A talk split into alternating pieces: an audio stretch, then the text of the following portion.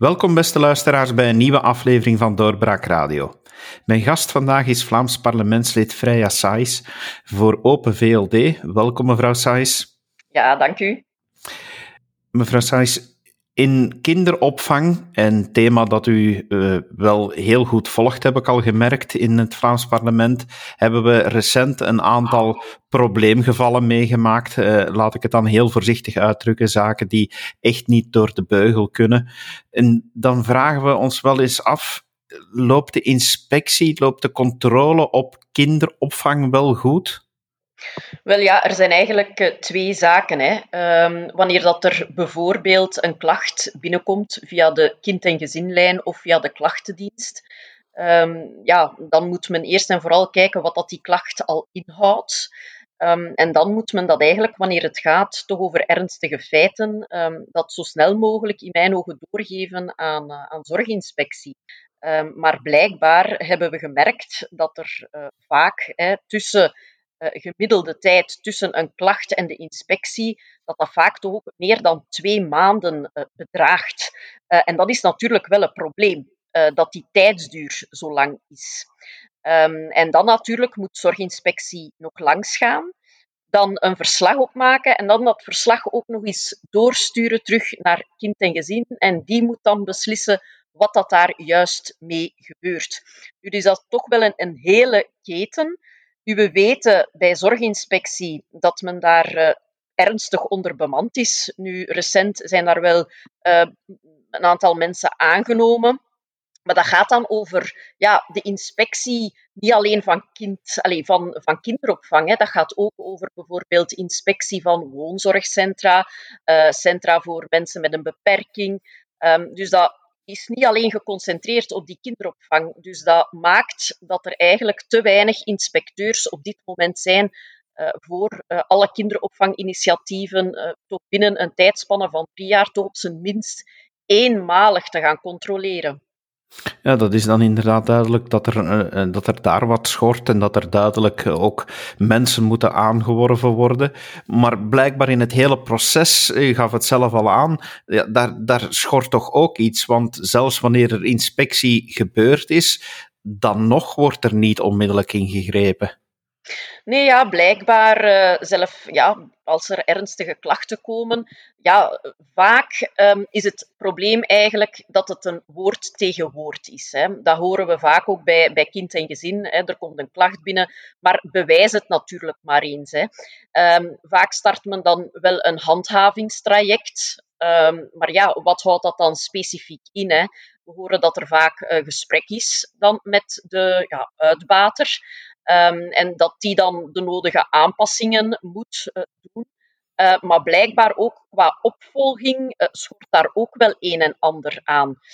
want we, bijvoorbeeld hebben we gezien um, dat, ja, dan specifiek voor het, het dat men daar eigenlijk had gezegd dat daar een verplichte pedagogische begeleiding op de werkvloer moest zijn.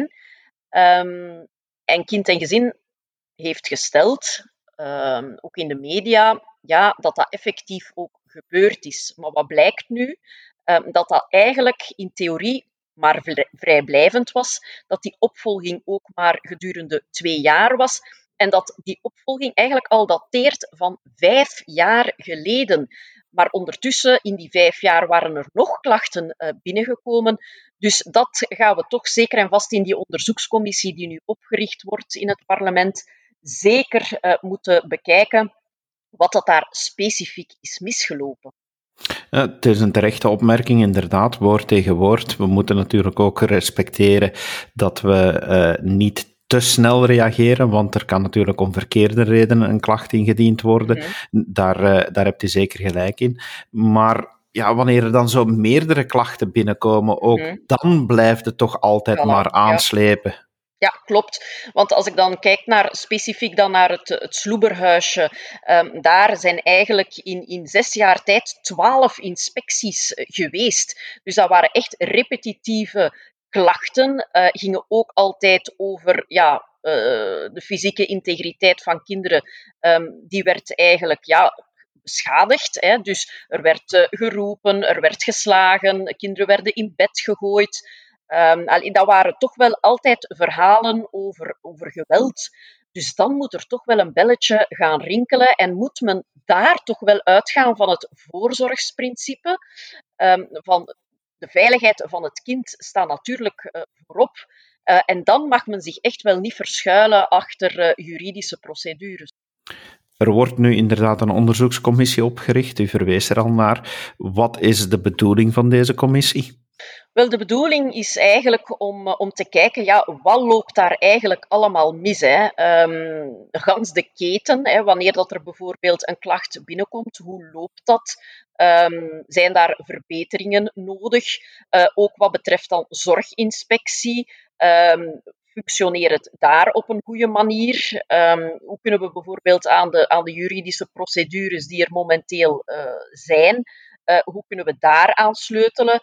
Um, ook wat bekijken van, ja, zijn de voorwaarden uh, tot het geven van een vergunning, zijn die wel oké? Uh, moet daar ook niet naar gekeken worden uh, wat betreft die kwaliteitscontrole uh, op erkende kinderopvanginitiatieven moet er zeker en vast ja, bekeken worden of dat die voldoende proactief en reactief is. Um, en dan natuurlijk ook kijken ja, hoe dat die beslissingen vallen hè, binnen al die betrokken diensten en administraties uh, met betrekking tot die kwaliteitscontrole. Ik denk dat dat heel, heel belangrijk is, um, dat we naar gans die keten, um, zowel van kind en gezin als van zorginspectie, dat we daar uh, ja, heel diep op ingaan. Ik vind het fantastisch dat een parlement uh, haar taak kan doen aan de hand van zulke onderzoekscommissie.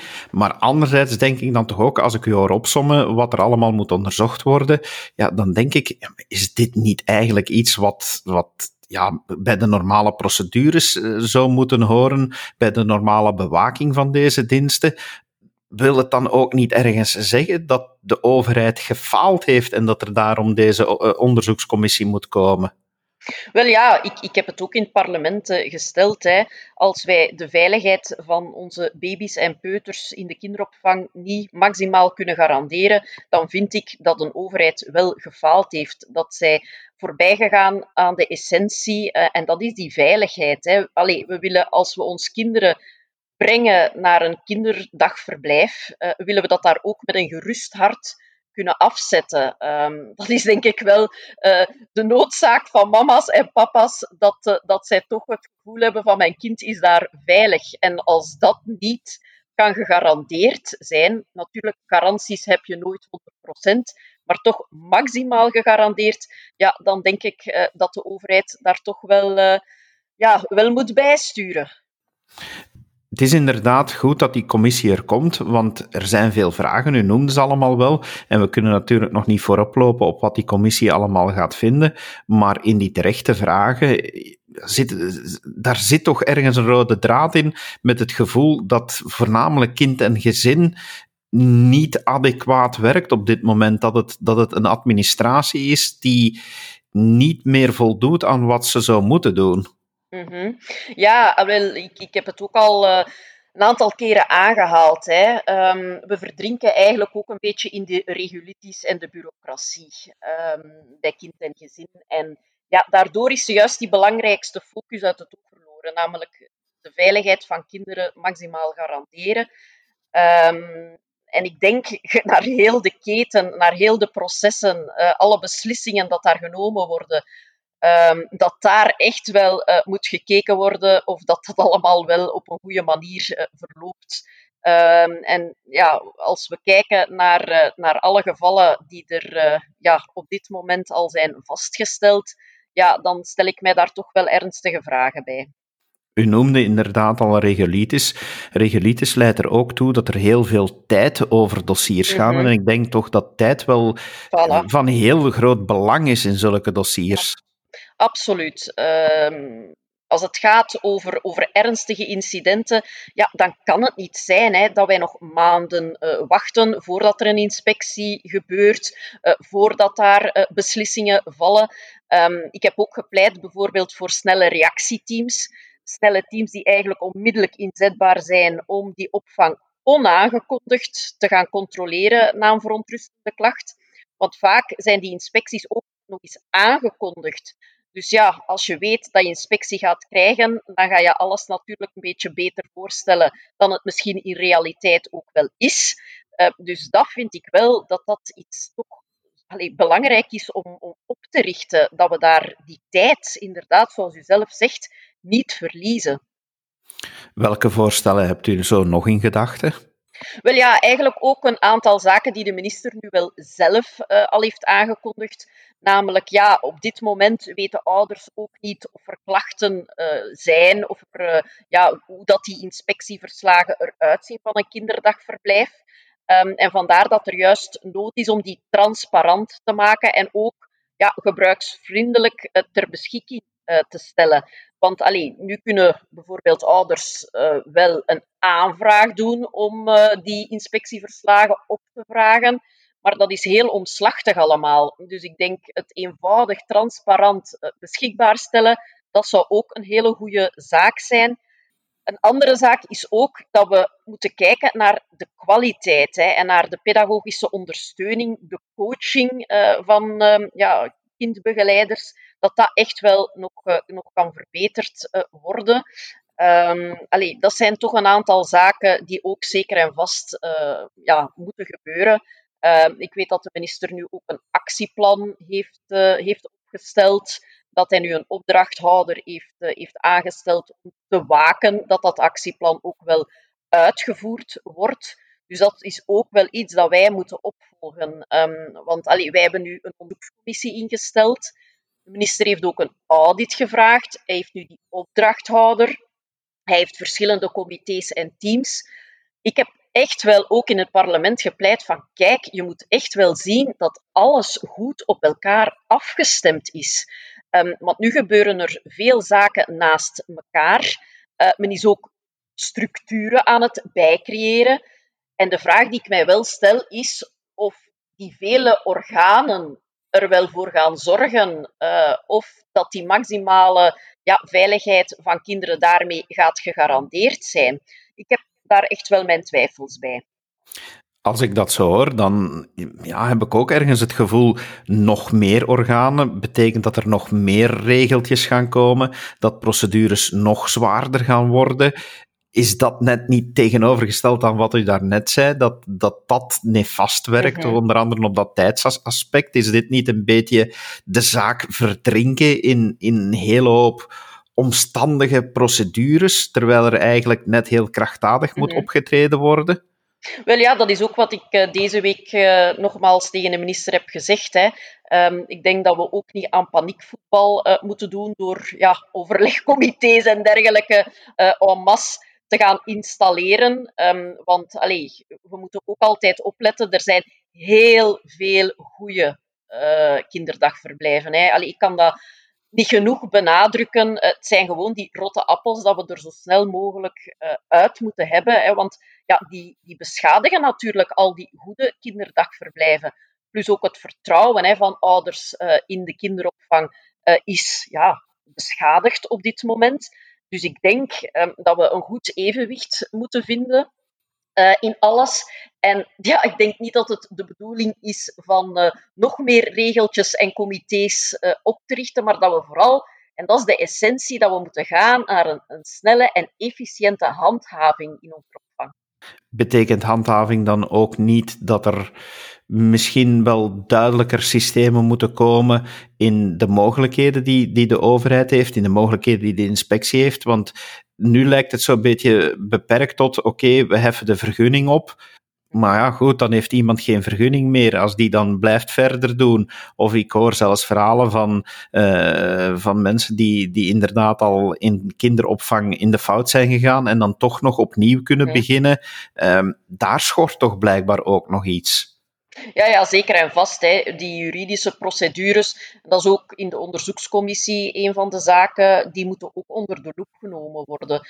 Want als je dan hoort dat bijvoorbeeld iemand ja, een kinderdagverblijf uit Schoten, um, dat die ja, toch blijkbaar, doordat hij gewoon uh, veroordeeld is uh, als natuurlijke persoon, maar niet als rechtspersoon, Um, en dat hij daardoor terug wel een kinderdagverblijf kan uh, heropenen nadat ze veroordeeld is voor kindermishandeling ja, dan heb je echt wel een probleem. Hè.